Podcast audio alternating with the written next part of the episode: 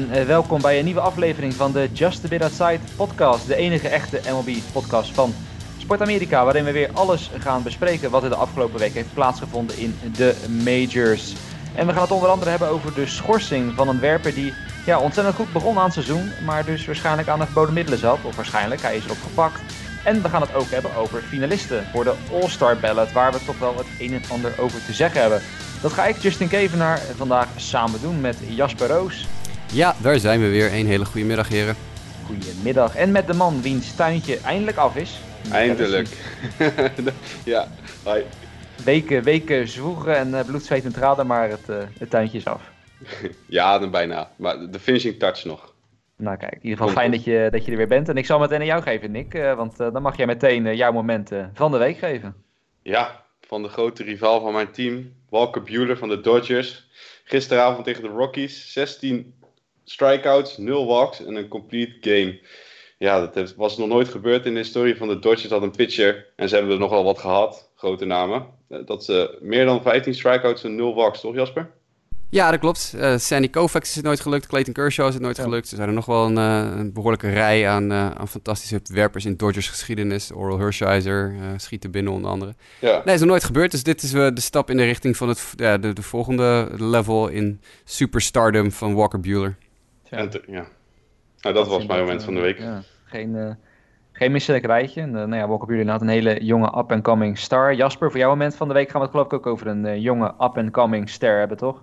Ja, het is weer Eloy. Het wordt een beetje de wekelijkse Eloy-pick voor mij. Want volgens mij is dat de derde keer in de laatste zes weken dat ik Eloy Jimenez als uh, moment van de week kies. Maar ja, als je natuurlijk uh, als voormalig Cubs prospect op Wrigley Field voor de White Sox in de negende inning de game-winning home run slaat in je eerste wedstrijd op Wrigley Field, dan uh, ben je wel een eindbaas. De, de White Sox versloegen in de eerste wedstrijd van de twee uh, de, de Cubs. Dankzij de Eloy Jimenez twee-run home run in de negende inning. En dan ben je een, echt een eindbaas. En dat was echt uh, dat was fantastisch om te zien. Ja, ik vind ook altijd mooi die, uh, hoe die in de dugout altijd, hè, vaak met dat zwaaien en dat, dat gebaar naar de camera, vind ik altijd wel, wel grappig om te zien. Het, zijn, dit is een heel fotogeniek figuur inderdaad, een heel camera-geniek iemand. Die ik heel, heel vrolijk, heel gezellig, heel open. Toen hij anderhalf jaar geleden wat vaker in interviews naar voren kwam, sprak hij nog vrij matig Engels. Maar dat heeft hij in heel rap tempo weten om te draaien. Het is een heel charismatisch figuur, een heel vrolijke jongen die ontzettend veel plezier heeft in honkbal. En dat is ook wel eens leuk om te zien. Ja, nou goed, en van de jonge honden gaan we naar iemand uh, die wel richting het einde van zijn carrière gaat. Maar Albert Pujols, uh, ja, hij wordt niet meer vaak echt benoemd vanwege zijn sportieve prestaties. Uh, dat is natuurlijk toch iets minder geworden de afgelopen jaren. Maar om het toch even een keer te benoemen, om twee redenen. Afgelopen nacht, namelijk voor het eerst in acht jaar, dat Albert weer terugkwam in St. Louis. Dat is op zich best wel bijzonder. Ik bedoel, in de tijdperken waarin Interleague play toch steeds vaker terugkomt dat Pujols eindelijk weer terugkwam in St. Louis. En het publiek uh, waardeerde dat zeer, gaf hem een staande ovatie. En dat uh, was toch mooi om te zien dat dat op die manier kon. En het komt natuurlijk ook vooral door wat hij door de jaren voor die franchise heeft betekend. En dat er zoveel jaar overheen zijn gegaan dat uh, het publiek het waarderen. Maar iets anders, aan de andere kant van Albert. En ik denk dat dat ook wel een reden was dat hij zo'n staande ovatie kreeg. Is wat hij daarvoor in Toronto deed, tijdens een series daarvoor. Een jonge fan in het publiek, een fan met het syndroom van Down, stond vooraan met een bordje in zijn handen. waar geloof ik alleen op stond dat hij heel graag een, een handtekening op zijn shirt wilde van, van, van Albert. En Albert die ziet dat en loopt er direct naartoe. En zonder na te denken doet hij meteen zijn shirt uit. Zet er een handtekening op. Zet ook nog eens een handtekening op het shirt van de jongen. En maakt nog een foto om het moment te vereeuwigen. En ik denk dat dat vaak wel ja, toch de momenten zijn natuurlijk. We kijken heel erg altijd naar sportieve prestaties en wat spelers op het veld doen. Maar uh, ja, met, met dat soort gebaren kan je denk ik uh, heel, uh, ja, hele mooie dingen doen voor, voor de fans. En het mooie daarbij is dat er nog is, dat, daar kwam ik dan eigenlijk achter aan de hand van dat verhaal. Dat Albert zelf ook een dochter heeft met het syndroom van Down. En daarom ook bijvoorbeeld in St. Louis al jarenlang, zelfs al is hij inmiddels al acht jaar niet meer actief in St. Louis dat hij nog heel veel uh, ja, initiatieven uh, daar heeft, zeg maar, om, om zowel ouders als kids met het syndroom van Down uh, te ondersteunen, te helpen, leuke dingen te organiseren. Dat zijn er van die dingen die je eigenlijk nooit leest of hoort, maar dan door zo'n mooi moment dan ineens erachter komt. En dan ook ziet dat, stond ook in een van artikelen, dat ondanks dat Poels acht jaar al ja, letterlijk niet meer actief is in St. Louis, dat hij in figuurlijke zin nog heel veel dingen doet voor de stad en voor de community daar. En dat is denk ik alleen maar te prijzen voor Albert Poels. Good guy Pujols, inderdaad. Ja. Precies. Niet, uh, niks slechts over te zeggen, inderdaad. Gaan we door naar uh, winnaars en losers uh, van de week. Nick, wie is jouw winnaar? Mijn winnaar is een team, namelijk de New York Yankees.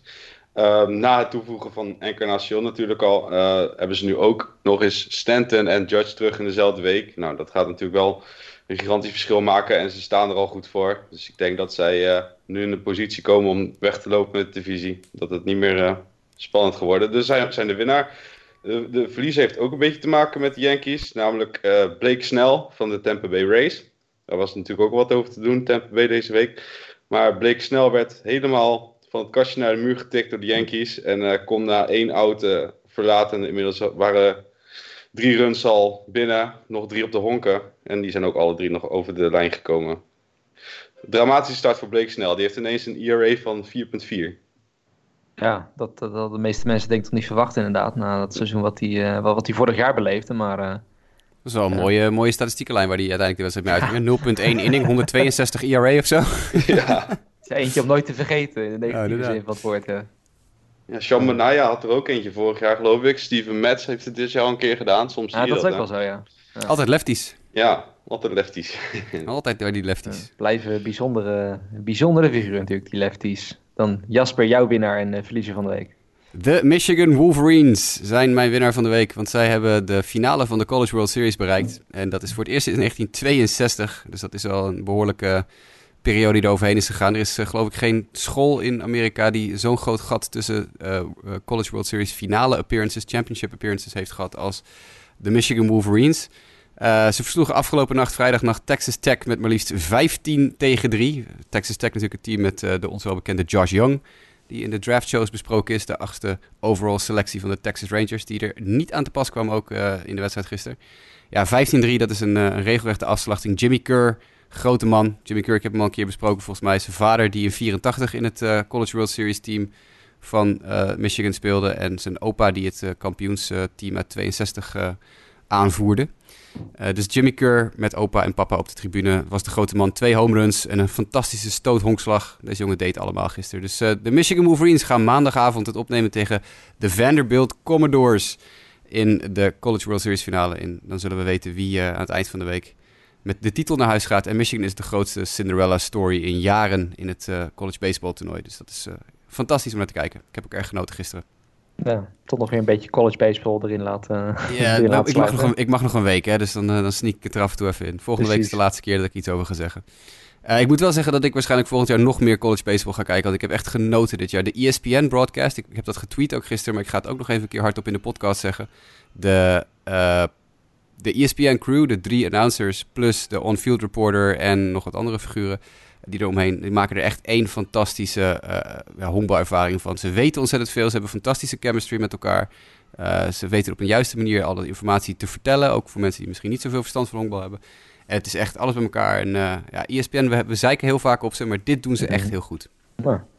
Dat is leuk om, uh, om te horen dan. En voor jouw verliezer uh, gaan we denk ik iets langer bij stil blijven staan. Want dat is natuurlijk wel denk ik de storyline van deze week. Maar ja, zeg het maar. Wie is jouw loser? Ja, Frankie Montas van de Oakland Athletics is mijn loser van de week. Want als je natuurlijk altijd de neiging hebt om naar doping te grijpen... dan ben je altijd per definitie een loser, voor mij betreft.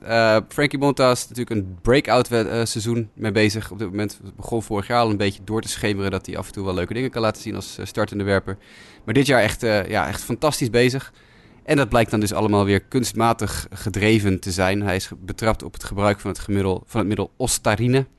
Nou, ik heb dat even opgezocht. Ostarine, dat is er echt... Uh, nou ja, je hebt wel eens van die dopingsoorten waarvan je denkt... ja, weet je, kan inderdaad in een voedingssupplementje zitten. Lullig voor je. Het middel doet niet heel veel, maar het is wel verboden. Maar dit is echt een stevig hoor. Dit is een categorie uh, Jose Canseco-era uh, anabole steroïden. Dus dit is echt een, een heel heftige. Dit middel heeft heel veel positieve uitwerkingen als je kunstmatig probeert vals te spelen. Het, het bouwt je spieren sneller op. Het zorgt dat je langer vol kan houden. Het, recuperatieproces wordt drastisch verkort tussen, tussen fysieke inspanningen in. Dus het is echt een, een stevige anabole. Dus dat is uh, ja, helaas voor Frankie Montes 80 wedstrijden aan de kant. Hij zegt natuurlijk dat het komt door een, hmm een verkeerd voedingssupplement. Ja, maar dat verhaal, dat, ja, dat, ja. weet je, dat geloof ik gewoon niet meer. Je zit bij een professionele miljoenen, zo niet miljardenorganisatie. Zeg gewoon tegen de club, hoi, ik wil graag voedingssupplementen nemen. Zorg ervoor dat ik eventjes drie dozen voedingssupplementen krijg waar niks mee mis is, die ik gewoon veilig kan nemen. Ja, het zijn wel de athletics, hè. Moet altijd op de, ja, de centen ja, dan nog. Weet je, dit, dit, dit, is, ik snap hier gewoon niks van. Dit soort jongens hoeven het allemaal niet zelf te Hij zegt, ja, ik heb bij de, bij de apotheek een verkeerd middel gekocht en uh, niet goed gelezen wat, er, wat erin zat. En dan ben je dus gewoon een sukkel. Dan ben je dus echt gewoon een sukkel. Weet je, laat het gewoon voor je doen. Er, lopen medische uh, experts bij die club rond. Er lopen farmaceutische experts bij die club rond.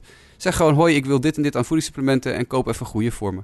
Maar ja, dat, als je dit zo gaat doen, dan ben je dus de klos. 80 wedstrijden, zijn seizoen is ja, zo goed als voorbij. Ja.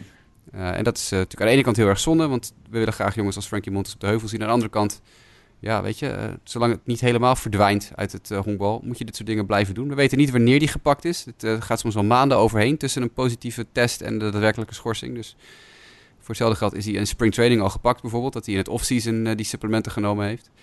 Maar ja, hoe dan ook, 80 wedstrijden zonder Frankie Montas. En nu zitten de Athletics heel erg te wachten op de terugkomst van Jesus Luzardo en Sean Manaya. Ja. Dat, ik heb, we hebben een vaste Athletics-fan, luisteraar, die ik ook al even in de Twitters uh, had vannacht, uh, even kijken, at Old Mother Hell. Hm. Uh, die ja, een hele fanatieke Oakland Athletics fan is. En die zei ook hetzelfde al op Twitter gisteren. Ja, nu moet je wachten op Luzardo. Of Madbum gaan halen, wat, en, wat, ook, wat ook nog gesuggereerd werd. AJ Pak hebben ze daar nog rondlopen? Ja, AJ Pak, maar dat is, die is ook langdurig geblesseerd geweest. Dus ja. daar moet je ook maar voorzichtig mee zijn. Ja. Dus de A's hebben wel een beetje een probleem nu. Nou ja, het is het inderdaad. Ik bedoel, als je kijkt, je zei het net, uh, dat ERA's hadden wel een mooie 2.70. En als je dan kijkt naar de verdere statistieken, was het niet echt uh, fluky. maar aan de andere kant, ja, je ziet zijn strikeouts inderdaad wel, uh, ja, namen wel flink toe. Vergelijking met vorig seizoen dan. Maar voor de rest, het zag er allemaal heel goed uit. Dus het is wel echt ja, pijnlijk om te constateren dat daar wellicht de andere reden voor was dan behalve dat hij misschien een pitch net een beetje had getweakt of, of dat soort dingen. En de Oakland A's gaan hem zonder meer missen. Ik bedoel, Wins zegt natuurlijk niet altijd evenveel, uh, maar goed, zijn winstpercentage van uh, meer dan uh, eh, 800, dat zegt dan ook alweer dat als hij op de heuvel stond, dan waren de Athletics vaak wel succesvol. En dat heeft ze denk ik ook mede in staat gesteld om een beetje die comeback van de afgelopen weken in gang te zetten. Ja. Benieuwd hoe zij dat gaan opvangen. Ja, je zegt net misschien een, een trade voor een wat grotere naam, maar dat, daar zijn de Oakland Athletics vaak niet echt tot toe geneigd. Ik denk vooral niet in de situatie waar ze nu in zitten, dat ze nog steeds derde staan in die divisie, maar... ze gaan het zien wat ze, wat ze ermee gaan doen. Maar in ieder geval zonde. Ja, ik denk vooral, ze hebben natuurlijk wel, kijk, je kan ook zeggen, ze hebben mazzel dat ze juist iemand als Jesus Luzardo hebben die uh, het plekje van Frankie Montas in gaat vullen. Maar Montas was op dit punt in zijn ontwikkeling iets verder dan Luzardo. Nou ja, daarom. Dat is natuurlijk wel maar een beetje de vraag wat je, wat je krijgt. Maar uh, laten we hopen voor de Athletics dat als Luzardo dan eenmaal komt, dat dat uh, ja, in ieder geval in de buurt komt van de productie van, van Frankie Montas. En dat het vooral ook zonder doping dan is. Maar goed, dan nog één winnaar van mijn kant. En ik ga naar Logan Allen, een eh, jonge werper van de San Diego Padres, 22 jaar. Uh, die van de week ook zijn debuut maakte voor de Padres. De Padres zijn een beetje aan het husselen de afgelopen tijd. Hebben we het al vaak over gehad. Die pitching staff is niet heel erg stabiel. Er wordt een beetje elke keer eh, wat, wat geswitcht. En dus kwam Logan Allen op van de Triple A. En had een heel goed debuut uh, tegen de Milwaukee Brewers. Toch niet de minste ploeg. Hij gooide zeven innings. Liet slechts drie hits toe. Kreeg geen runs tegen. Op twee walks, vijf strikeouts. Al met al gewoon een een prima, prima outing. En het mooie eraan was eh, dat daar ook nog een verhaal aan vast zat, namelijk dat John Cena, de bekende WWE-fighter, uh, eh, zeg ik heb er zelf totaal geen verstand van, maar zelfs ik herkende de naam van John Cena wel. Uh, die zat namelijk in publiek. Die, uh, die, die woont namelijk in de buurt daar in, in San Diego, had toevallig tijd, kwam kijken. En hij kwam ook kijken omdat hij een link heeft met Logan Allen. Twee hebben elkaar schijnbaar enige tijd geleden elkaar toevallig ontmoet in een, in een café of in een kroeg of zo. Raakte aan de praat. John Cena hoorde dat Logan Allen professional baseball player was. En had toen een beetje een soort symbolische bet uh, was hij met hem aangegaan om hem te motiveren. Hij zegt, jongen, jij gaat uh, nooit de majors halen. En dan zet ik een, weddenschap op van, uh, van 1 dollar. En als je ooit de majors haalt, dan, dan kom ik wel even kijken. En dan krijg je van mij 1 dollar. En dan heb je bewezen dat je het inderdaad in je hebt om het, om het hoogste niveau te halen. Nou goed, en even later Logan inderdaad in de majors. En John Cena die daar naartoe kon komen. En hem ook inderdaad die dollar kon, uh, kon overhandigen. En ook heel blij was dat hij inderdaad zijn ongelijk had bewezen. En het ook daadwerkelijk had gehaald. Dus nu nog zien of Logan Allen dit goede debuut een vervolg kan geven. Want het is een beetje de vraag hoe de Padres het nu dus ja, verder vorm gaan geven, die rotation. Als er ook weer wat jongens terugkomen. Maar als Allen dit vol kan houden, dan kan dat misschien wel een naam zijn om in ieder geval in de gaten te houden voor de komende jaren. Het is wel prettig voor de Padres dat er tenminste nog iets functioneels uit de Craig Kimbrell trade van een paar jaar geleden komt. Want Logan Allen was een onderdeel van het pakketje dat de Boston Red Sox naar de Padres stuurde in ruil voor Kimbrell. Altijd prettig om te zien dat er nog iets van de scouting het eh, goed heeft aangepakt. Nou ja, daarom. Want we hadden het net inderdaad over die andere namen. Sowieso Manuel Marco, die, ja, waar we toch altijd jarenlang wel veel van hadden verwacht. En dat, dat is er nooit echt uitgekomen. Uh, Avi Guerra, shortstop, pinch de third baseman, die geloof ik alleen vorig jaar een paar keer in acties gekomen, maar niet heel veel heeft gedaan. En Aswa heeft vorig jaar ook een paar keer, maar Ja, ja, de afgelopen jaar een paar keer ook een beetje als benchbed. En ik geloof dat hij inmiddels niet eens meer bij de, bij de Padres zit. Dus, Volgens mij speelt hij in Japan nu. uh, Korea of zo. Carlos, Carlos Aswahe, toch heet hij? Ja, ja had ik zie dat hij in een training camp bij eh, de, bij de Texas Rangers zat. Eh, hij heeft, eh, na de Padres heeft hij voor de Lotte Giants in de Korean Baseball Association League gespeeld. Mhm. En hij zit nu in de Arizona Diamondbacks organisatie. Nou ja, goed. Maar het Sinds, twee, sinds echt, twee eh, dagen. Sinds twee dagen. Nou, nieuws. Carlos Hassawai, minor league deal bij de Diamondbacks. Het laatste Ja. nieuws hoort u hier. hij, is, hij is, even kijken, hij is een paar maanden bij, inderdaad bij, in Korea gezeten. De Rangers hebben hem in december gereleased, omdat hij dan dus naar Korea kon. Mhm. Maar Korea, in Korea hebben ze hem op 9 juni weer laten gaan. En twee dagen geleden hebben de Arizona Diamondbacks hem dus opgepikt. Dus, eh, Nou, maar goed, in ieder geval voor de Padres zal die dan weinig meer van, eh, van waarde zijn. Maar goed, voor mijn verliezer, dan zal ik nog ook even naar de, naar de Padres gaan. Want mijn verliezers van de week, ja, ik zeg verliezers, meervoud. Er zijn eigenlijk zo'n beetje alle werpers die in de Rockies en Padres series eh, speelden. Met uitzondering zou ik toch wel willen zeggen van Kirby Yates, die geloof ik als een van de weinigen nog een beetje deed wat hij wat moest doen als closer van de Padres. Maar voor de rest, het, was echt om te janken. Ik bedoel, een paar statistieken eh, voor, voor de mensen thuis. Het was een four-game series en daarin werd notabene een record neergezet aan runs. 92 runs over vier wedstrijden. Het was uiteraard overigens in Colorado die wedstrijd. Anders dan was het helemaal bizar geweest als het in San Diego was geweest. Maar goed, vier wedstrijden, 92 runs, 131 hits. Waarvan Charlie Blackman dan ook nog eens 15 had. Die, eh, die had helemaal een eh, feest die vier dagen in Colorado tegen de Padres. Maar ja, echt, het laagste puntenaantal waren uiteindelijk zes runs die de Padres scoorden in de, in de eerste wedstrijd. En de laatste wedstrijd was een krankzinnige 13-14 wedstrijd.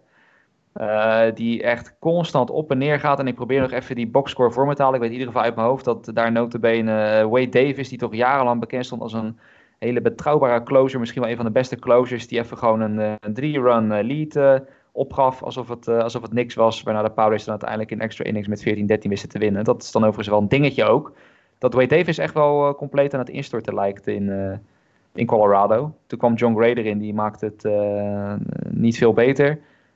Nou ja, het, dat was echt een bizarre series. En runs dus aan alle kanten die, die om de oren vlogen. Nick Markovicius bijvoorbeeld. Die had in die laatste wedstrijd tegen de Rockies... had hij in 1.1 inning 11 hits en 9 runs opgegeven. Dat is ook wel een aardige... ja, zijn ERA sprong er door naar 6.41. Dat zegt ook wel genoeg, maar... Poeh, ja, dat waren, dat waren geen goede dagen voor de Padres en Rockies werpers. Dat was eh, een pijnlijke bedoeling. Maar ja, we hadden het net vooraf erover, Jasper. Ja, de runs, eh, dat willen mensen zien, hè? Dan krijg je dit soort dingen. Ja, als dit is wat MLB wil, dan eh, gaan we dit krijgen. Met dit soort. eh, met met alleen maar home runs en die bal die eruit vliegt. En eh, nou ja, prima. Ieder zijn ding. Ja. Ik geniet net zoveel van een. Weet ik veel, een Vanderbilt-wedstrijd van vannacht. Waar eh, in de negende inning nog de winnende twee punten binnenkomen. En het 3-2 Mhm. of 4-3 wordt in plaats van 15-3. Maar oké, weet je, wat je wil.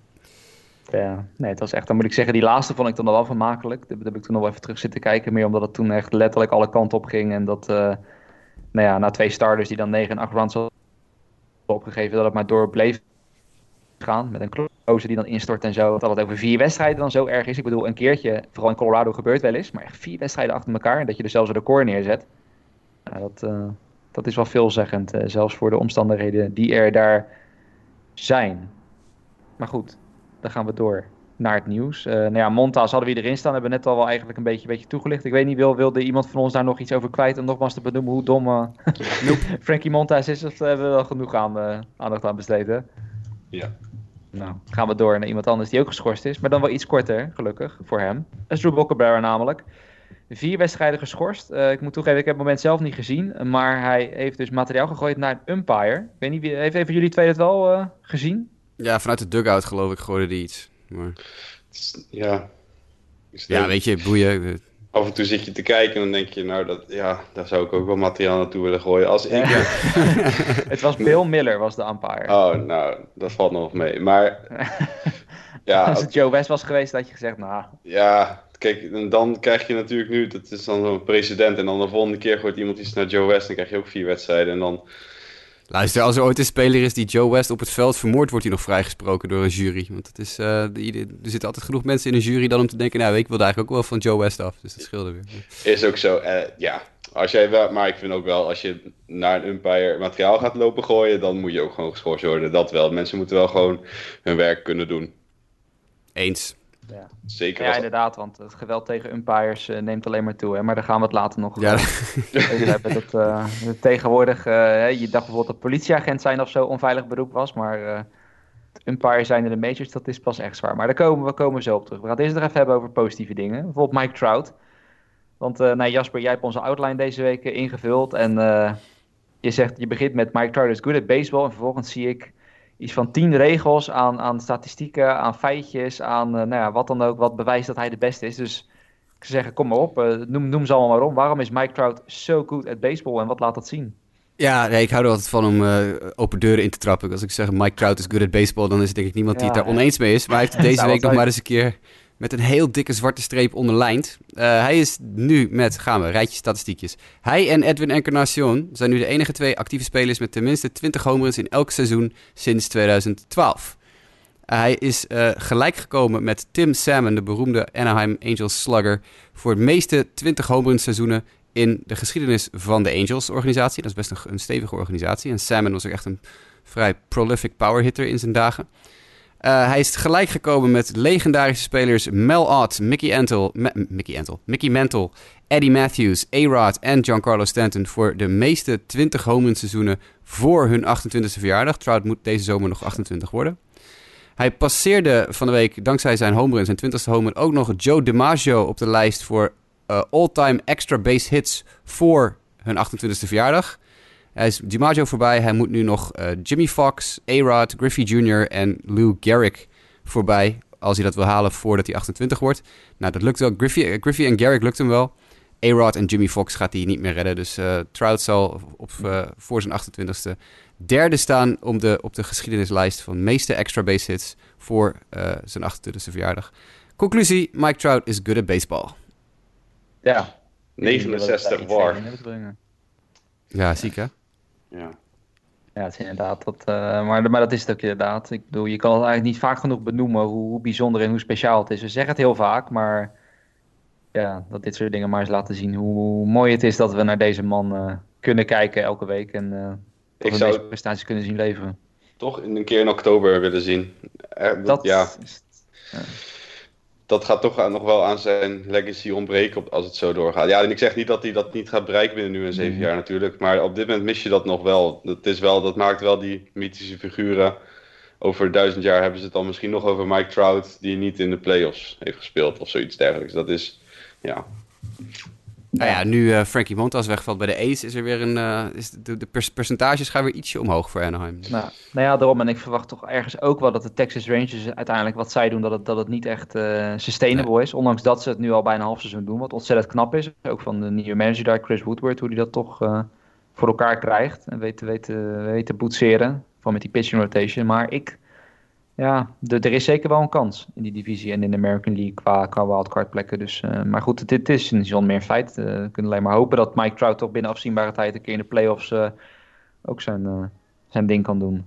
Dan, ja. naar, dan naar een team, een andere goede speler en ook een team dat goed bezig is. De New York Yankees, je zei het net Nick, zijn goed bezig, krijgen wat spelers terug. En dan ja, is het heel leuk. Dan komt natuurlijk de trade deadline eraan, lees je wat geruchten en dan lees je onder andere dat de Yankees reportedly gecharmeerd zijn met Max Scherzer en dat Brian Cashman whatever it takes zou doen om Max Scherzer te halen. Geloof je hier iets van of is dit gewoon uh, iets om een, een nieuwswebsite mee, uh, mee op te vullen? Ja, wie wil Max Scherzer nou niet in zijn team hebben? En de Yankees hebben natuurlijk wel gewoon een hele rits met sterren altijd. Mhm. Mm -hmm. ja, ik zou het ook wel ja, ik zou het wel ook wel weer leuk vinden. Aan de andere kant, ja, hebben ze hem nodig. Ze krijgen dadelijk Luis Severino nog terug. Domingo Germán staat heel goed te pitchen dit jaar. Die komt dadelijk ook weer eraan. Ze hebben, ja, Tanaka. Ja, ze hebben natuurlijk al een hele rit starters ook. James Paxton. Ik, ik zou, en waarom zouden de Nationals hem dan wegdoen? Dat snap ik ook niet helemaal. Want ik, ik zie, Nationals had ik voor dit jaar als World Series winnaar. Nou ja, een beetje optimistisch, maar... maar dat, die hebben gewoon een... Ik zie ook niet in waarom zij Scherzer zouden wegdoen. Dat is, maakt ook wel uh, een team en... Nee, ik zie het toch niet gebeuren. Ik denk eerder dat de Yankees uiteindelijk uh, Madison Bumgarner of zo'n zo'n speler binnenhalen. Ja. Ik, Nou ja. uh, ik sluit me daarbij aan hoor, want ik denk dat die, uh, ten eerste is het de dood van de sport als Scherzer naar de Yankees of Red Sox zou gaan. Want dan creëer je weer zo'n situatie die we het 15 jaar geleden hebben gezien, dat één club alle sterren heeft, zo ongeveer. Uh, en daarbij, precies wat Nick zegt. Kijk, als de Nationals hem wegdoen. Ik, ik, zie wel een scenario dat ze hem wegdoen. Maar dat is dan voor, weet ik veel, uh, tien minor leaguers of zo. Weet je wel? Of ja. iets dergelijks. Heel wat minor league ja, een of andere, ja, inderdaad. Gewoon je, al, je hele AAA-team naar Nationals sturen of zo. ja, dat, dat zie ik nog wel gebeuren. Of, of een 50% aandeel uh, punt in de Yankees of zo, weet ik veel. Dat is, maar je moet een extreem groot, groot kapitaal neerleggen om Scherzer op dit moment binnen te kunnen halen. En dat is... Ja. Weet je, ik, uh, ik zie het ook echt niet gebeuren. Ik denk inderdaad dat ze meer voor gewoon vulling gaan. Ik denk dat ze een beetje de, de Yankees een beetje het Dodgers uh, systeem gaan kopiëren. Uh, gewoon acht of negen capabele starters, of beter dan capabele starters, waarvan ze nooit alle acht tegelijk fit zijn. Zie Severino en Paxton nu ook bij de Yankees. En, en Tanaka heeft ook wel eens wat blessure-issues gehad. En dat ze gewoon altijd zorgen dat ze tenminste vijf bovengemiddelde starters hebben. En welke combinatie van die vijf het dan is, dat maakt niet uit. Dus ik denk inderdaad dat een Baumgartner daar prima bij zou passen. Ja. Ja, wat ten Scherzer, ik bedoel, eh, misschien dat is dan meteen leuk om daarop verder te borduren. Heeft gewoon weer een heel goed seizoen. Ja, misschien de, de grootste statistiek ERA was hij misschien wat minder begonnen, maar alle onderliggende statistieken lieten zien dat hij gewoon nog steeds eh, tot de beste werpers in de majors behoort. En dus afgelopen week kwam natuurlijk het nieuws, hè, brak zijn neus, nogal ongelukkig, terwijl hij op bands aan het oefenen was voorafgaand aan de wedstrijd. Uh, had ineens een ja, flink zwart oog en een gebroken neus, maar staat dan op de heuvel tegen de Phillies na en, en leeft een prestatie af. Dat is gewoon ongekend. Hij stond niet echt te oefenen op bunts, hoor. Het zag er niet uit. Hij liep gewoon, hij liep gewoon een beetje te kloten, volgens mij. Hoor. Het was ook niet à la shirtje. Die doet alles met intensiteit. Maar je stond hier gewoon een beetje uh, zondagmorgen uh, met een knuppel in zijn tuin of zo. En dan, ja, dat moet Max dus blijkbaar niet doen. dan uh, gaat gelijk mis. Maar inderdaad, 10 strikeouts, 7 innings en een win over de Philadelphia Phillies ook niet tenminste. Nee, ja, die hadden, ze, die hadden ze gesweept inderdaad. Over die serie gesproken, hebben jullie de geweldige social media stab van de Nationals naar de Phillies gezien van de week? Hmm.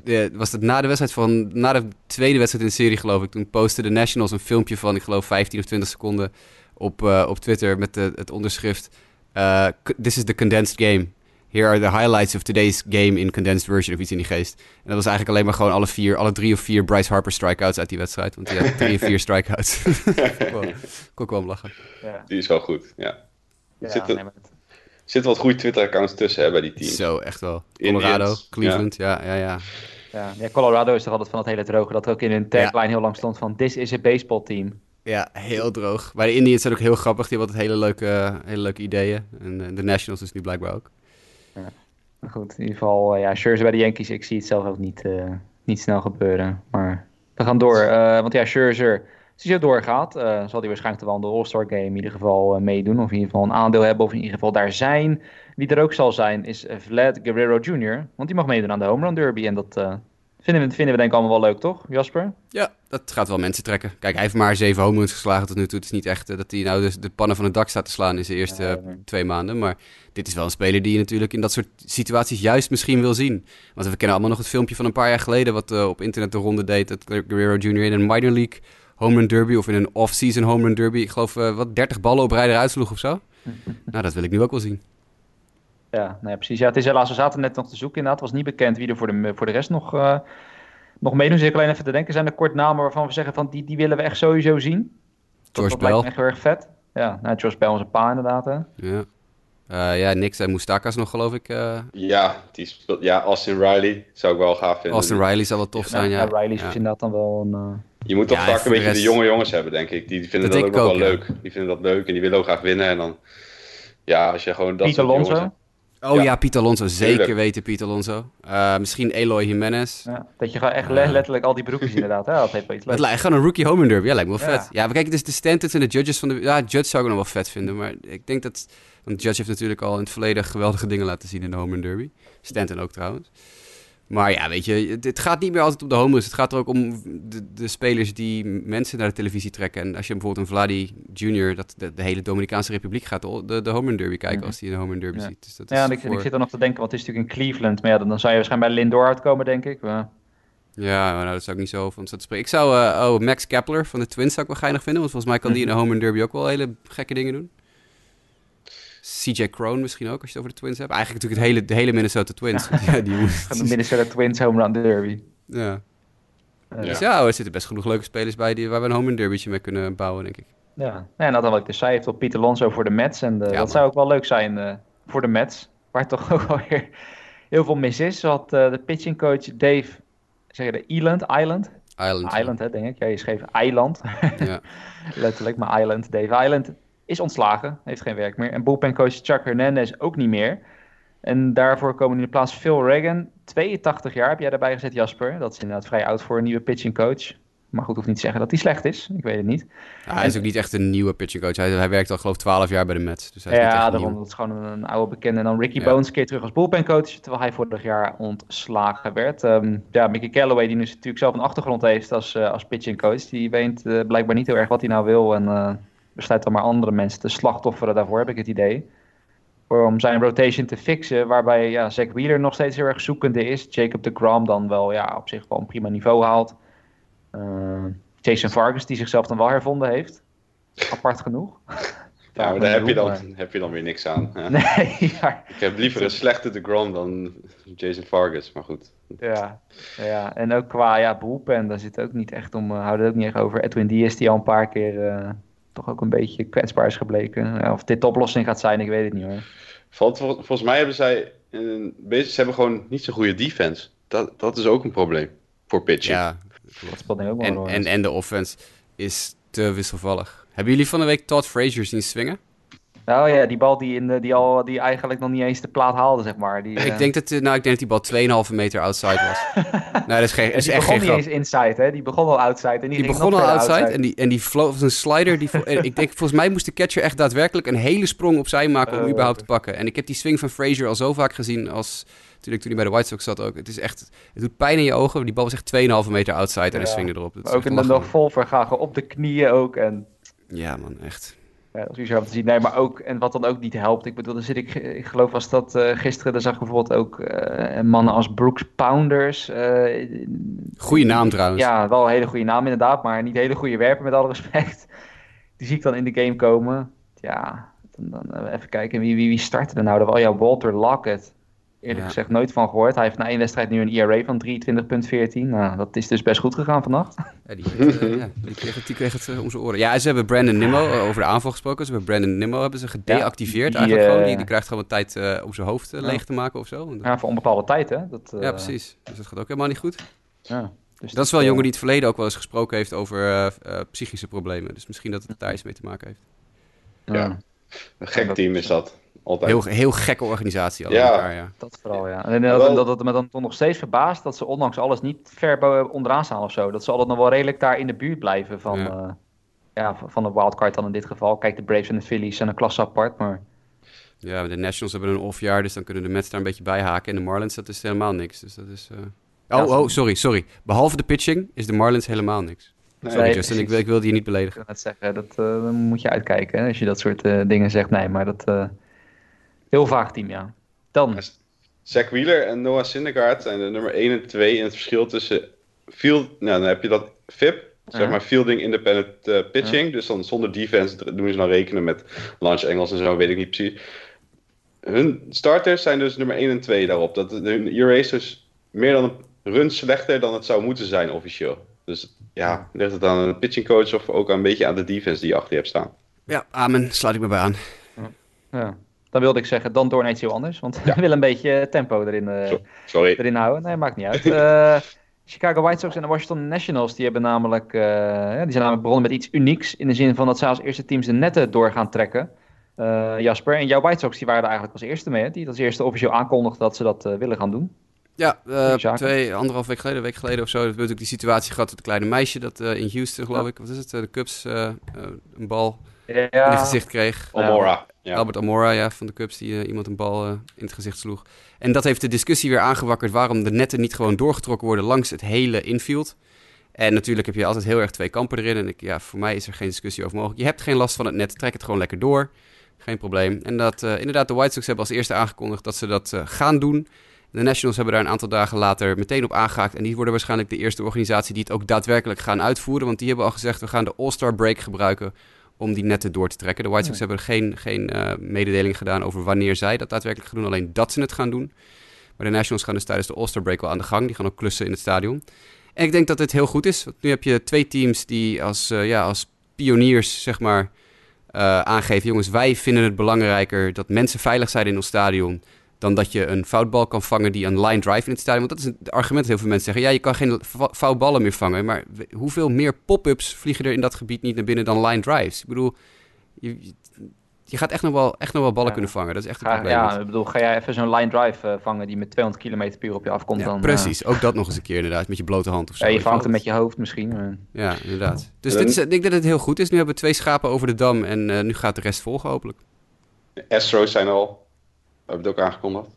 Jij hebt dit ook aangekondigd inmiddels? Ja, okay, en de, de, Nationals die hebben wel wat leuks bedacht. Die gaan dan uh, het net voor de wedstrijd en zo gaan ze het omhoog trekken, zodat je nog wel met de spelers uh, handtekeningen... Ja, tuurlijk, dat is ja, toch een perfecte oplossing? Dat is toch... toch? Ja, ja man. Ja. Want dan zeggen mensen van, ja, je kan niet meer die interactie met spelers voor de wedstrijd en een bal aan ze geven om te laten signeren. Natuurlijk, we leven in 2019, man. We, we denken dat we geen systeem kunnen verzinnen. dat, dat, dat daar niks op kan verzinnen. Ja, dat, dat het net of omlaag of omhoog gaat tijdens dat soort dingen. Dat, of, of weet ik veel, tijdens de inningenwissel, noem maar wat. Maar dat, dat, ze gewoon dat ze zakken terwijl de mensen aan het slaan zijn. Het is toch echt niet zo ingewikkeld? Doe nou even normaal. Ja. Nee, en ik zag daarnaast dan, uh, tot slot ook nog eens een fotootje. Daar was geloof ik bij, dat was bij de Reds geloof ik. Uh, dacht ik, had iemand een fotootje geplaatst van achter zijn net. En voor de grap de, daarachter gezegd van, uh, oh, ik ben niet echt tegen zeg. Je ziet helemaal niks meer. Terwijl je dan dus inderdaad gewoon heel duidelijk zag dat dat net is echt minuscuul gewoon. Je kan echt, ja, je gewoon uh, alle, alles zien. Het, het belemmert echt totaal niet je zicht. Ik bedoel, dat is ook 2019. Ja, die netten zijn tegenwoordig van dusdanig materiaal dat het Tuurlijk. Het zijn niet van die dikke touwen die, de, die, die ervoor hangen en uh, de, dat je er echt omheen moet kijken of zo. Het belemmert echt totaal het zicht niet.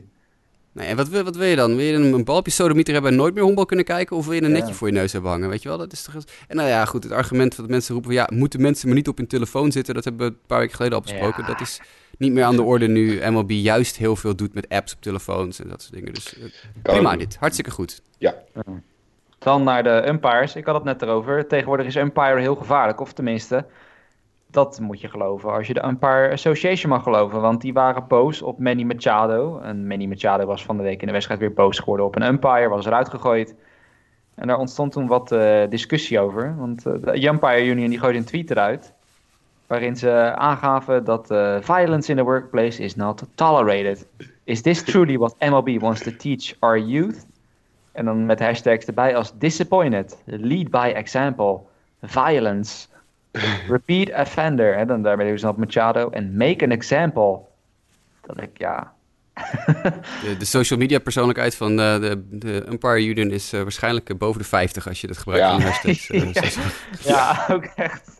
Het zijn er ook echt, ik heb er nu een paar opgenoemd. Het waren echt een stuk of 15 of zo. Met allemaal dit soort, eh, dit soort dingen. Te bizar voor woorden, toch? Ja. Ik wil natuurlijk niemand trouwens geen luisteraars beledigen die boven de 50 zijn en die wel Nee, heel nee, goed zijn nee, met hashtags. Maar ik bedoel, eh, dit, is, dit is niet de manier hoe je de huidige generatie aanspreekt, denk ik. Nee, maar ook gewoon dat ze toch totaal in de eigen wereld leven. Dat ze, dat ze, Ja. dat ze net doen alsof we aan het ampare zijn tegenwoordig dat je in een soort warzone eh, zit of zo. ja. Ja. nee, het is inderdaad het is heel erg. Eh, dit was echt heel zielig en ze hebben het ook gewoon laten staan ook nog. Ze zijn echt volkomen belachelijk gemaakt door alles en iedereen. En ze laten hem gewoon staan. Dus ze hebben ook blijkbaar geen idee dat het, eh, eh, dat het gek is. Volgens mij doen ze, negeren ze het in de hoop dat het weggaat. Maar ja. ja, ze worden was vanzelf vervangen als ze zo doorgaan door robotjes. Ja, maar ook weer de laatste paar weken weer een paar zulke verschrikkelijk slechte scheidsrechter eh, optredens gezien. En we geven heus wel eens credit waar credit due is. Maar ja, we callen ze ook gewoon out als het, als het niet goed gaat. Van de week weer zulke verschrikkelijk slechte wedstrijden gecallt zien worden. Dat is echt, oh man, huilen. Is, eh, Ja. dit is, ja, ga pas zeuren als je dat allemaal gefixt hebt, weet je wel.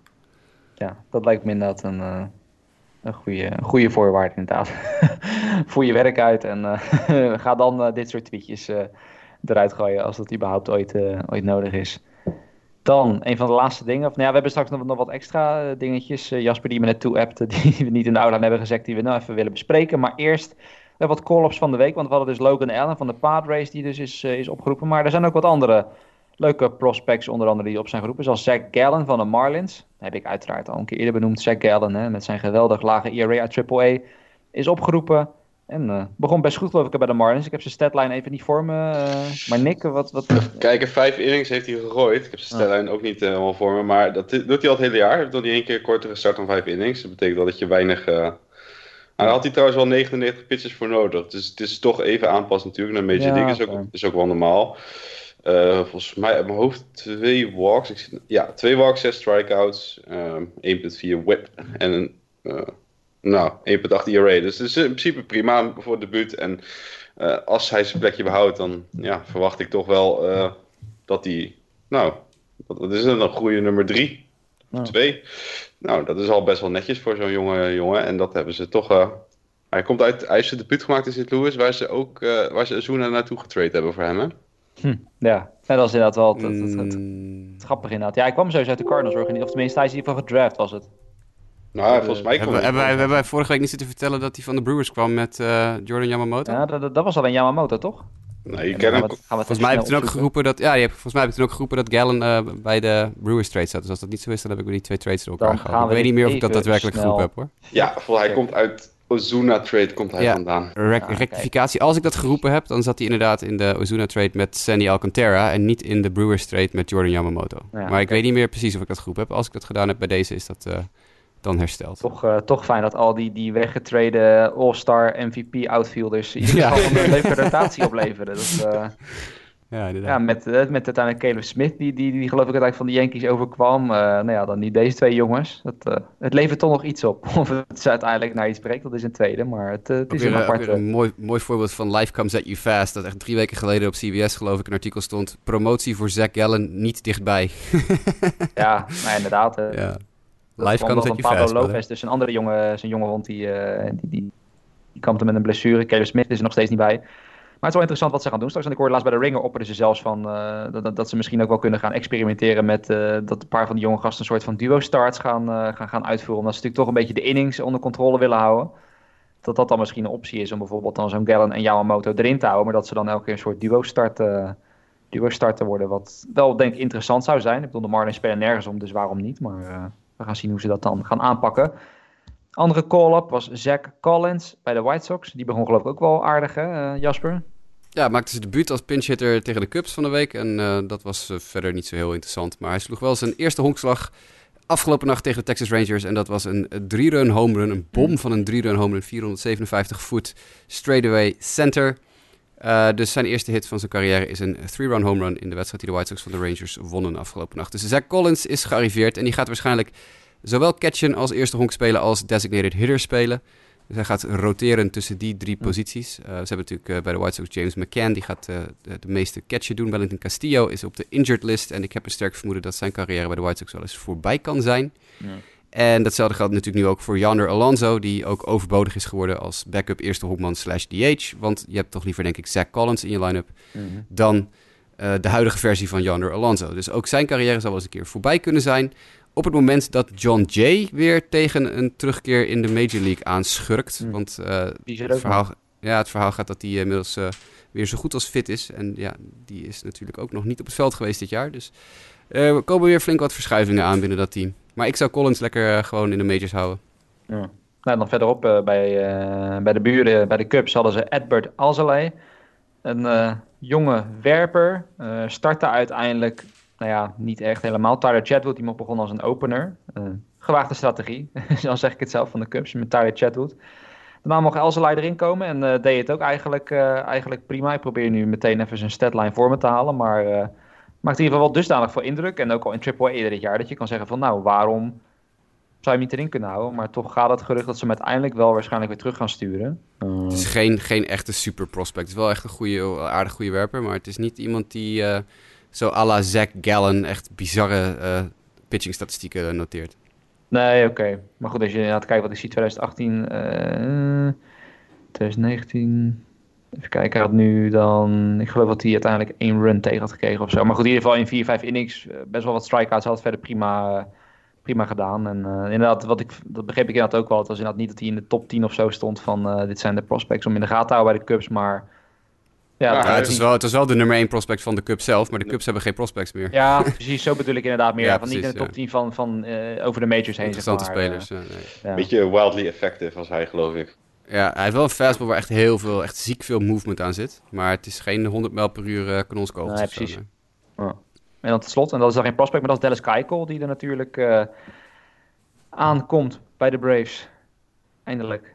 Of vannacht hè, was het? Ja, ik, ik moet ja, even bekennen. Ik heb vannacht, we nemen dit op vrijdag op. Ik heb, uh, ik heb dus dadelijk laat uitgeslapen wat ik... Het zaterdag, uh, of het is zaterdag inderdaad. Zie ik ben helemaal tijd. helemaal kwijt. ik heb zo lang zitten slapen vannacht dat... Uh, besef van tijd uh, kwijt bent mensen. Maar inderdaad, het is zaterdag. Hij speelde vrijdag. En ik heb het dus niet, nog niet zelf in leven live als daar terug kunnen kijken. Ik zie wel dat hij verloren heeft. Ja. Maar ja. Ik zal eens even kijken wat hij gedaan heeft. Ja, acht hits, drie earned runs, drie strikeouts, nul walks. Ja, het is ook niet, niet spannend. Maar... De, de Dallas Keukel-lijn. Ja. Het is een beetje, en tegen de Nationals dan zou, zou je nog kunnen zeggen die heel erg in vorm zijn, maar... 99 pitches, nou ja, op zich. Ja, maar ik vind Keigo is een beetje toch wel een saaie werper. En dan ja, nou, ja. ja. Dus maar dit... dan Toekie Toussaint of zo, maar ja, die mocht volgens van me overnemen vanuit de boelpen. Mm. Ja, dat kan je weten doen. Dat is het leuk om naar te kijken in ieder geval. Maar ja, daar, daar, is hij niet voor, Dennis Kijkom.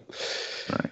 Maar goed, in ieder geval benieuwd wat dat voor de Braves gaat, uh, gaat brengen. Die uiteindelijk wel binnen de divisie, dat moet wel even gezegd worden, wel aardig wat stappen hebben gemaakt. Onder andere door die overwinning op de Phillies. Staan gewoon nu toch stilletjes 4,5 games voor op de Phillies. Dus uh, ja, wat dat betreft uh, heeft Brian Snitker wel aardig aan het praten. Terwijl de Phillies echt even wat oplossingen moeten gaan, moeten gaan zoeken. Ook vandaag van Miami verloren. Dus, ik zag een of andere gekke line-up met Bryce Harper lead-off. En dan Reese Hoskins als tweede. En dan GT Realmuto. En dan vierde ja, het was, het, het, zag, er was in ieder geval gewoon maar ja, loterij gedaan of zo. Ik weet niet. Mm ja, Dennis Keigo, gaat hij nog wel naar de All-Star Game dan als Brave? Moet eigenlijk wel, hè? Want ik geloof dat Duvel, Duvel en zijn oude moer met een Braves petje op mag naar de All-Star Game. Dus als je, dat de, de, enige kwalificatie is ongeveer dat je inderdaad een aapje voorhoofd hebt. Voor de rest, ja. Dan gaan we zo inderdaad uh, meteen naar door. Maar eerst nog dit. Dat Jasper, je hebt het net wel dat niet in de outline gezet. Maar toch wel interessant gerucht wat van de week opkwam. Namelijk over de Tampa Bay Race is nog steeds een beetje dat, uh, dat gehannes over een nieuw stadion of anders een nieuwe, nieuwe stad waar ze naartoe zouden moeten slash kunnen gaan. Ik had er ineens een soort idee over een soort timeshare uh, plan, als het ware, tussen Tampa Bay en Montreal die het team zouden delen. Is ook al ja, wel heel... vrij, ja, vrij snel uh, tegengesproken, maar... Ja. heel, heel bizar plan inderdaad. Het eerste half jaar van het seizoen zou dan zich afspelen in, uh, in Florida. En de tweede helft van het seizoen, als het, het weer in Montreal wat beter zou zijn, zou het zich afspelen in Montreal. Maar hoe dat dan in de playoffs zou gaan, daar was niet over nagedacht. Want ja, ik bedoel, je kan zeggen van ja, de Rays hebben de playoffs gehaald. Nou, die spelen al hun thuiswedstrijden nu in Tampa. Nou, dan gaat Montreal ook zeggen, waarom krijgen wij geen playoff baseball? Maar je gaat ook niet op dinsdag in Tampa spelen en op woensdag in Montreal. En dan moet je dat hele circus naar Montreal halen voor één wedstrijd. Dus daar was duidelijk weer niet helemaal over nagedacht. Um, daarbij heeft de burgemeester van St. Petersburg, uh, ook al, waar het stadion staat van de Tampa Bay Rays, ook al gezegd: luister, we hebben gewoon een afspraak met de Tampa Bay Rays tot 2027.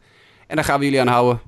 En zo niet, dan uh, gaan we stappen naar de rechter. En dan krijg je een joekel van een antitrust uh, rechtszaak ja. tegen MLB. Oh. En daar, die gaan ze ook verliezen dan. Want dat is gewoon heel duidelijke contractuele zaken. Dus uh, ik denk niet dat MLB daar heel veel zin in heeft. Dus ik, ik denk dat het plan alweer van tafel is. Het was een geinig idee, maar het was ook daadwerkelijk niet, echt niet uitvoerbaar. wat wil niet wil zeggen dat nog steeds niet de kans bestaat dat de race op den duur gaan verhuizen. Maar ik zie dat timeshare gebeuren, dat zie ik absoluut niet, niet, niet tot uitvoering komen. Nee. Nee.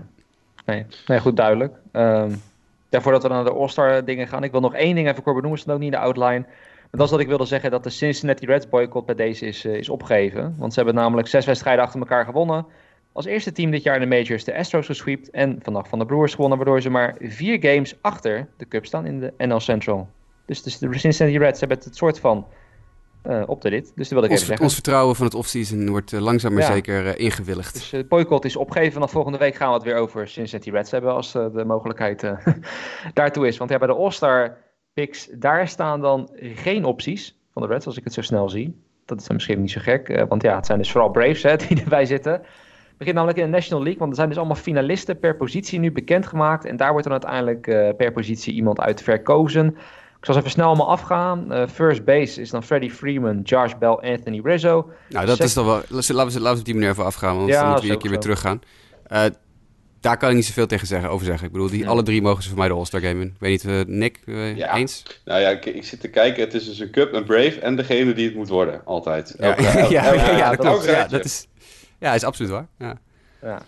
Nou ja, dat la, laat ik dan wel zo stellen. Want we hebben natuurlijk allemaal het, het, rijtje voor ons. Wat is echt eh, naar posities, als we kijken, wat, wat kan echt niet, zeg maar?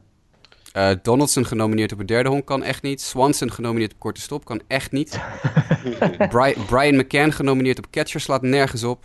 Ja, Nick Markeke is, diep, Nick Markeke is genomineerd in het outfield. Is be bespottelijk, net als Jason Hayward en Kyle Schwarber. Echt bespottelijk. Uh, dat is alleen de National League. Maar dat zijn dus ja, bijna allemaal nee, Braves en Cubs inderdaad, ja.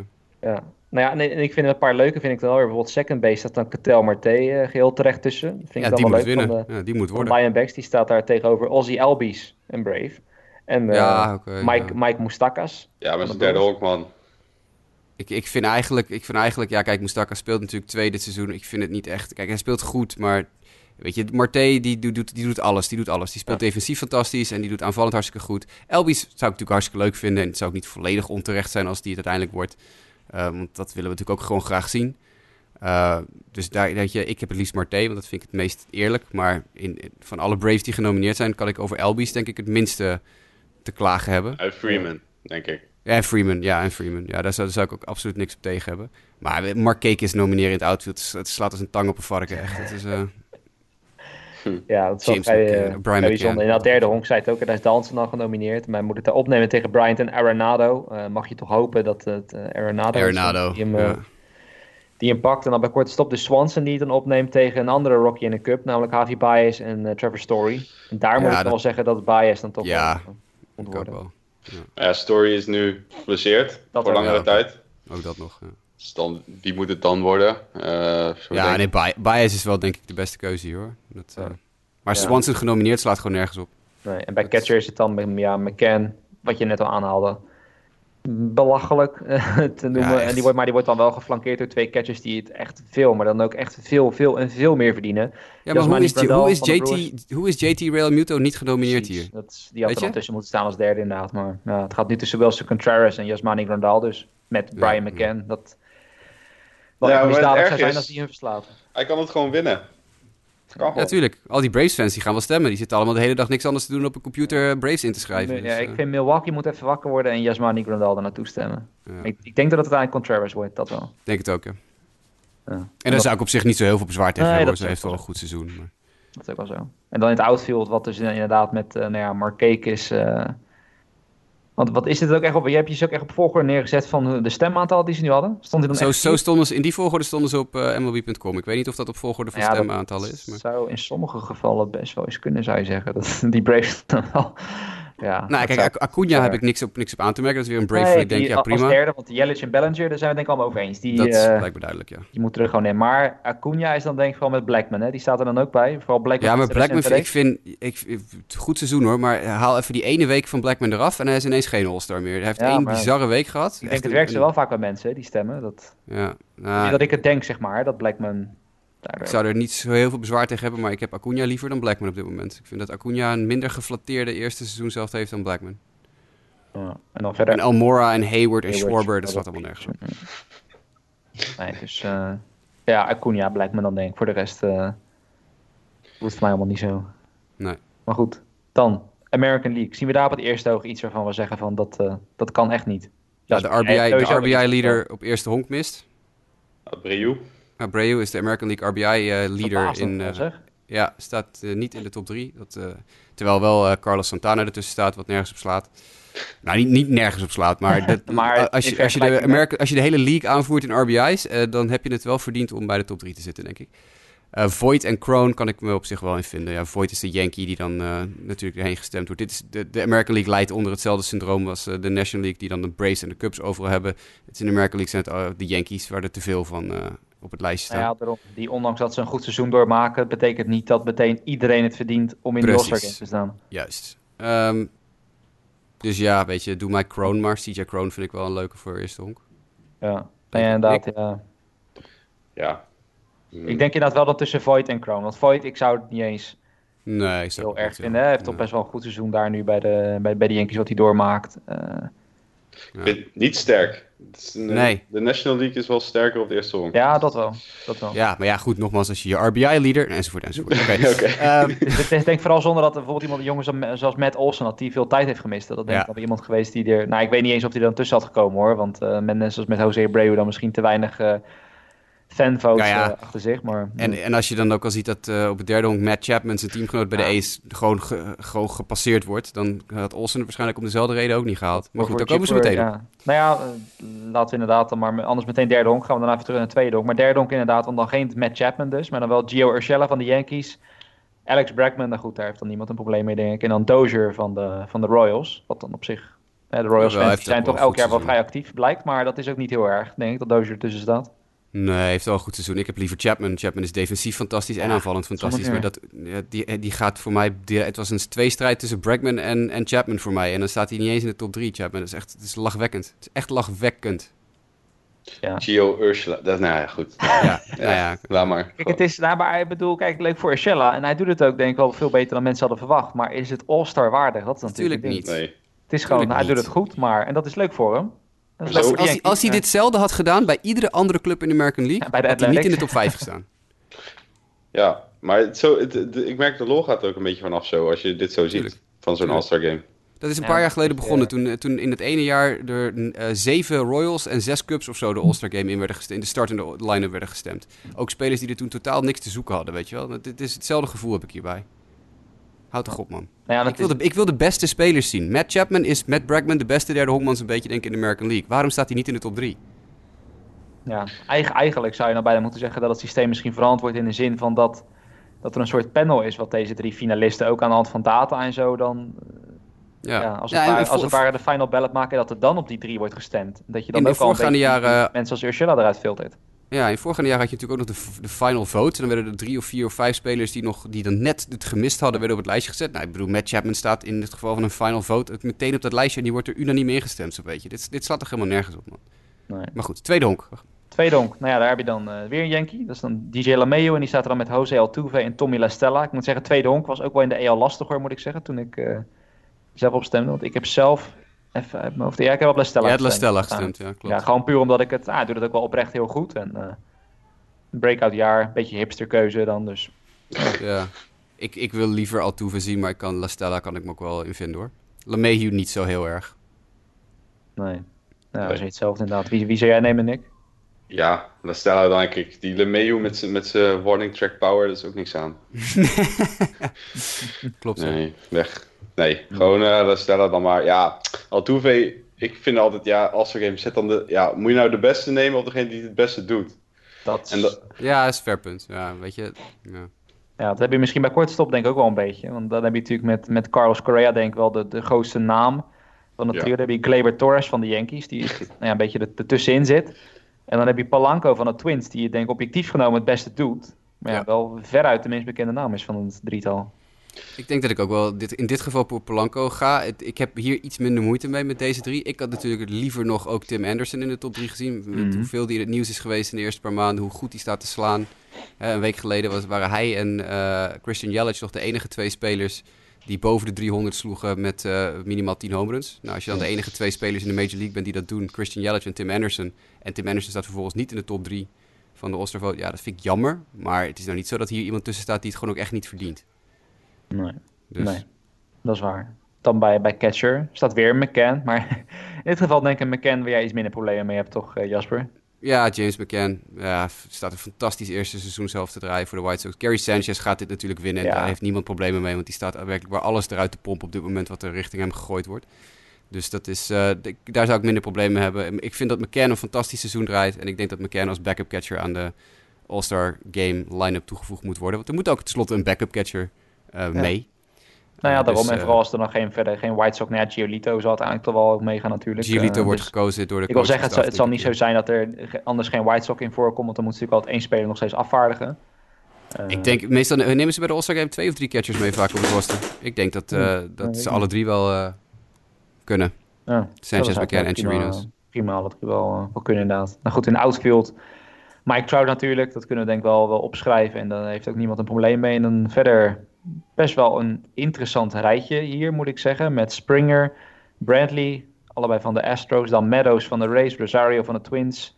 Reddick van de Astros ook. Eh, en dan Gallo van de Rangers. En dan ook Judge met tussen haakjes, haha, van de Yankees, die er gewoon tussen staat. Dus ja, ja. Ja, ja Nick zei het ook al in de voorbespreking. Ja, ja. Nick, jij zei het ook al. de- Hij heeft amper gespeeld, maar hij staat er wel tussen. Weet je, dat gaat gewoon nergens over.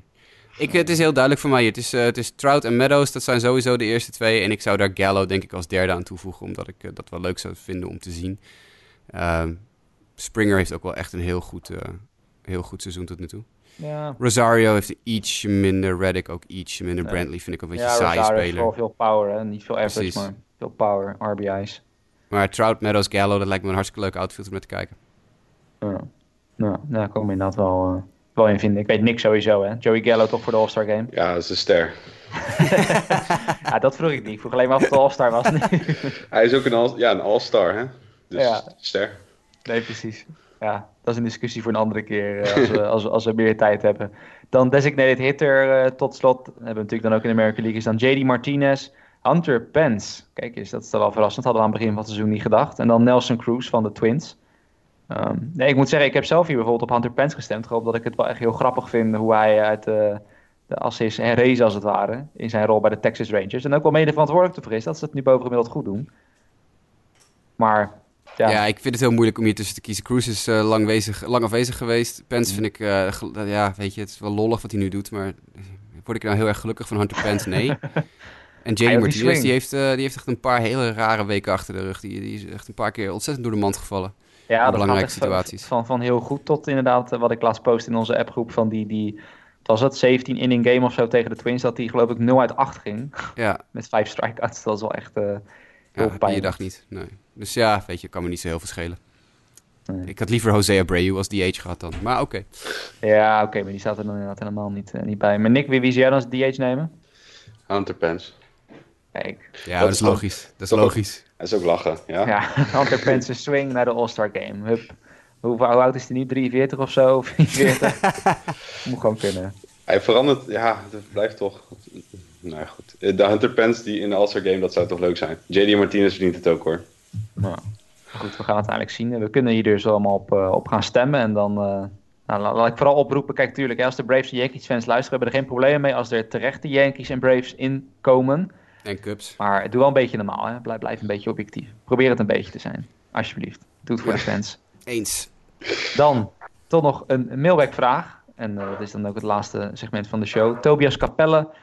Via de mail had een vraag over Shohei Otani. Hij zei: Jullie hadden het de vorige aflevering over Otani, die eventueel een keuze moet maken tussen slaan en pitchen. Waarom is er niet veel meer interesse dan voor hem vanuit de National League? Een pitcher die ook goed kan slaan is daar toch veel meer waard vanwege het ontbreken van de designated hitter? Vraagt Tobias. Ja, dat is een heel interessante vraag. We hebben dat ten tijde van de Otani-signing eh, anderhalf jaar geleden ook al een keer besproken. Of hij naar de American League of naar de National League zou gaan. En je komt eigenlijk bij hetzelfde punt uit. Hè? Naar de, de National League is juist helemaal niet, is hij helemaal niet veel meer waard vanwege het ontbreken van de DH. Want dan kan hij dus alleen pitchen en slaan. En dan kan hij dus maar één keer elke vijf dagen ook aan slag spelen. Want hij kan geen andere veldpositie spelen. Dus juist omdat hij in de American League is, kan hij op maandag pitchen. Op dinsdag, woensdag, donderdag en vrijdag designated hitter zijn. En op zaterdag weer pitchen. Terwijl dat in de National League kan hij op maandag pitchen. En op zaterdag weer pitchen. En ja, dan krijgt hij acht slagbeurten in een week hooguit. Twee keer vier of zo. Ja. Terwijl als hij natuurlijk in de American League speelt, die vier dagen ook nog als DH kan fungeren. En dus eh, misschien wel eh 50 at-bats of zo in een, Ja. in een week kan verzamelen. Ja, of je moet hem echt in het outfield gaan zetten. Ja, Ja. maar dat zie ik niet gebeuren. Zeker niet met die arm. Ze willen die arm van hem natuurlijk niet meer belasten Nee, dan dan nodig. Als je, helemaal... eh, als je een, een, eh, 110 eh, pitches gooit of 100 pitches gooit in een wedstrijd... en op de dag daarna sta je in het outfield, eh, moet je keihard aangooien, lopen te gooien... Dan, dan valt die arm er na twee dagen ook af. Eerste honk. Ja, Ja. als Ja, dat op een blijft. gegeven moment de klos is, ja. Dat blijft, over. dat blijft dan nog over. Anders Ja. dan moet je dan daar blijven. Ik denk dat dit de beste oplossing voor hem is, hoor. DH zijn in de Nou ja, American. League en, eh, Want en ik één bedoel, keer in de ja. vijf dagen pitchen. Ja, want je hebt daarnaast ook inderdaad gewoon in de, ja, ja, in- inderdaad in de National League, dan zou je kunnen zeggen, dan zou die af en toe als pinch hitter voor en werper ingebracht kunnen worden. Maar dan zijn het elke keer maar die paar momenten dat je hem in kan zetten. En als hij dan bijvoorbeeld zelf op de, ja, op de heuvel staat, dan heb je er ook maar twee keer wat aan voordat je hem uit de wedstrijd haalt bijvoorbeeld. Precies. Ja. Dus het, is, Nee. het werkt allebei de kant op. Je zou hem wel vaker in kunnen zetten als pinch hitter, maar het is dan niet ideaal. Want dan moet je het elke op hele specifieke momenten doen. Precies. En En vergeet als, niet dat pinch DH heb je gewoon echt- de vrijheid om drie keer eh, of, of vier keer in de wedstrijd eh, te laten swingen. Het is echt niet gegarandeerd dat hij een goede pinch hitter zou zijn. Dat weten we ook niet echt. hij Dat is, heel ook nog andere, ja, dat is toch ook Dat is een heel heel ander beestje hoor, ja, Ja. inderdaad. Dus nee, ik denk dat hij in de American League eh, blijft. Voor zolang hij een echt een two-way player is, blijft hij in de American League. Dat, eh, dat lijkt me ook. En dat lijkt me ook, denk ik, beter voor hemzelf, zolang hij blijft combineren. Eh, en dat is natuurlijk dan met Brandon McKay. Want dan tot slot natuurlijk die jonge prospect van de race. Al lijkt die wel vooral toch richting echt alleen een werpen te gaan. Hè? Tenminste, dat beweert men omdat hij toch wel werpend veel beter is dan aanslag. Eh, maar ja, dat Die zou dan kan ook- dus weer wel bijvoorbeeld ook heel goed eerste honk spelen. Want die speelde in college, als de dagen, op de dagen dat hij niet gooide, speelde hij Mm, eerste ja. honk. nou ja, daarom dus. Mochten ze dat dan daar willen doen, dan is het dus ook voor hem, omdat hij in de American League zit, eventueel uh, ja, handiger. Maar goed, we gaan het zien hoe ze dat uh, gaan aanpakken daar in Tampa. Dat was het wel. Hè? Ja, we wilden het in het uur houden, maar ik geloof dat het nu op 1 uur 5 minuten zit, hè Jasper? Ja, dat vind ik uh, acceptabel. Ja, dat kan. Vijf minuutjes uitloop, dat uh, moet kunnen. Zes minuten inmiddels op mijn klok. Moeten we, Moet... moeten we de Londen nog even pluggen? Nou ja, dat, uh, als we dan toch uitlopen, dan is dat misschien wel, wel een goede inderdaad. Want we hebben natuurlijk al gezegd, we gaan naar Londen. En inmiddels ook al een beetje wat meer bekend over wat we daar gaan doen, hè? Ja, we gaan, uh, we gaan donderdagavond uh, gaan wij erheen met z'n drieën, Sander en jij en ik. En uh, dan gaan we vrijdagochtend vanaf het moment dat we in het stadion zijn en de boel opgezet hebben, eigenlijk de hele vrijdag door content genereren, zoals dat zo mooi heet, voor de, de fans, de honkbalfans. Dus ja, kijk alsjeblieft, hou goed in de gaten Twitter. We zijn druk bezig om ons Instagram-account weer aan te zwengelen. we hebben namelijk ook een Instagram-account, maar dat is zo weinig gebruikt dat niemand meer het wachtwoord weet. En het is heel ingewikkeld om dat te achterhalen. Dus we zijn druk bezig om ons Instagram-account weer uh, aan te zwengelen. Maar Twitter, Facebook, uh, de website. We gaan ook weer YouTuben. We hebben ons YouTube-account weer aangezwengeld. dat doet het dan weer allemaal wel. en we gaan, ja, ons idee is dat we zelfs live pre-game shows gaan streamen vanuit het stadion. Waar ja, Sander, Justin en ik met z'n drieën ja, toch de, de enige Nederlandse pre-game show voor die wedstrijden via YouTube, via het Sport Amerika YouTube-kanaal gaan streamen. Dus je kan je ook uh, subscriben nu tegenwoordig op YouTube. Dus zoek op Sport Amerika op YouTube en subscribe op ons uh, uh, YouTube-account, zodat je de notificaties ook krijgt. Dus eventjes liken, en subscriben en, en dat belletje aanklikken. Dan krijg je ook nog keurig de notificaties als je daadwerkelijk een, als er een uitzending start.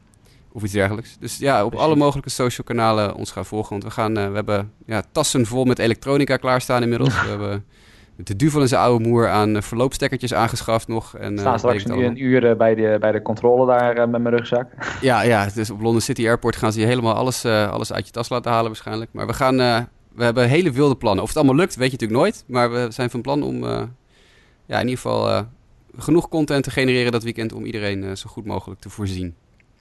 Precies. En ik zou zeggen, nou, als de techniek het toelaat, misschien hebben we dan vrijdag al, al kunnen streamen. Maar dat, houd, dat houd, zou ja. leuk zijn, ja. We weten vooral, niet hoe goed het... Uh, allemaal in de gaten. Dan, uh... Het internet in de London Stadium moet wel uh, goed genoeg zijn voor ons om in een beetje redelijke kwaliteit te kunnen streamen. Dus dat is daar een beetje van afhankelijk. Ja, we gaan het allemaal zien. Wordt in ieder geval leuk. En zoals Jasper zei, volg het allemaal via de verschillende kanalen. En je mist niks. En wat betreft de podcast, dat wordt dan even zien hoe we dat gaan doen. Misschien volgende week of misschien dan weer de week daarop. Uh... Ja, ik denk niet dat we volgende week een gewone reguliere podcast hebben. Ik denk wel dat onze podcastfeed gedurende het weekend losse 20 minuten, kwartier fragmentjes... als we inderdaad in staat blijken om Didi en Bogaerts en dat soort figuren voor de microfoon te krijgen... dan worden die ook als audio uh, podcasts op uh, onze podcastfeed gegooid. Ja, precies. Maar dat is allemaal afhankelijk inderdaad van uh, wat er allemaal mogelijk is. Want dat zal waarschijnlijk druk zijn. Dus het is ook voor ons allemaal zien wat er mogelijk is, wat er kan en wat we kunnen gaan maken daar. Maar goed, heb je nou toch een vraag? Hè? Nou ja, goed, al is het dan geen reguliere podcast, dan is het voor de week daarna. Of een stuur... vraag voor Didi of Sander. Als je een vraag voor, voor Didi Gregorius of Sander Bogaerts hebt, stuur die man naar ons en dan gaan wij het proberen. Uh, ja, honkbal gerelateerd, wat je daar wil weten, uh, stel het ja. inderdaad. Als je iets van Gio je... Urshela wil weten, kunnen we ook ja, vragen. Ja, precies. Ja, ik wil best even met Gio Urshela praten hoor. ja. Dus inderdaad, stuur het allemaal door. En dat kan dus onder andere dan naar justabitpodcast.gmail.com, maar dat kan ook gewoon via Twitter. Voor mij, jwkev. Uh, voor Mike, mdijk90. Hoewel die nog steeds lekker in zijn Japanse trein zit momenteel. Dus ik weet niet hoe, uh, hoe snel Mike zal reageren dan. Voor Jasper, at Jasper Roos. Voor Nick, at Inik D. Die straks lekker in zijn tuintje gaat zitten. En voor Jimmy, at Jimmy Driesen. Dat kan dus ook at Sportamerika en facebook.com slash Sportamerika. Zou ik zeggen, Jasper bedankt. Nick, jij ook bedankt. Ga lekker uh, van de zon genieten, zou ik zeggen, met je coronaatje. Zeker, 100%.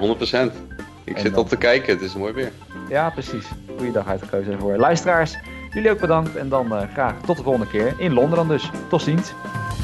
Bye.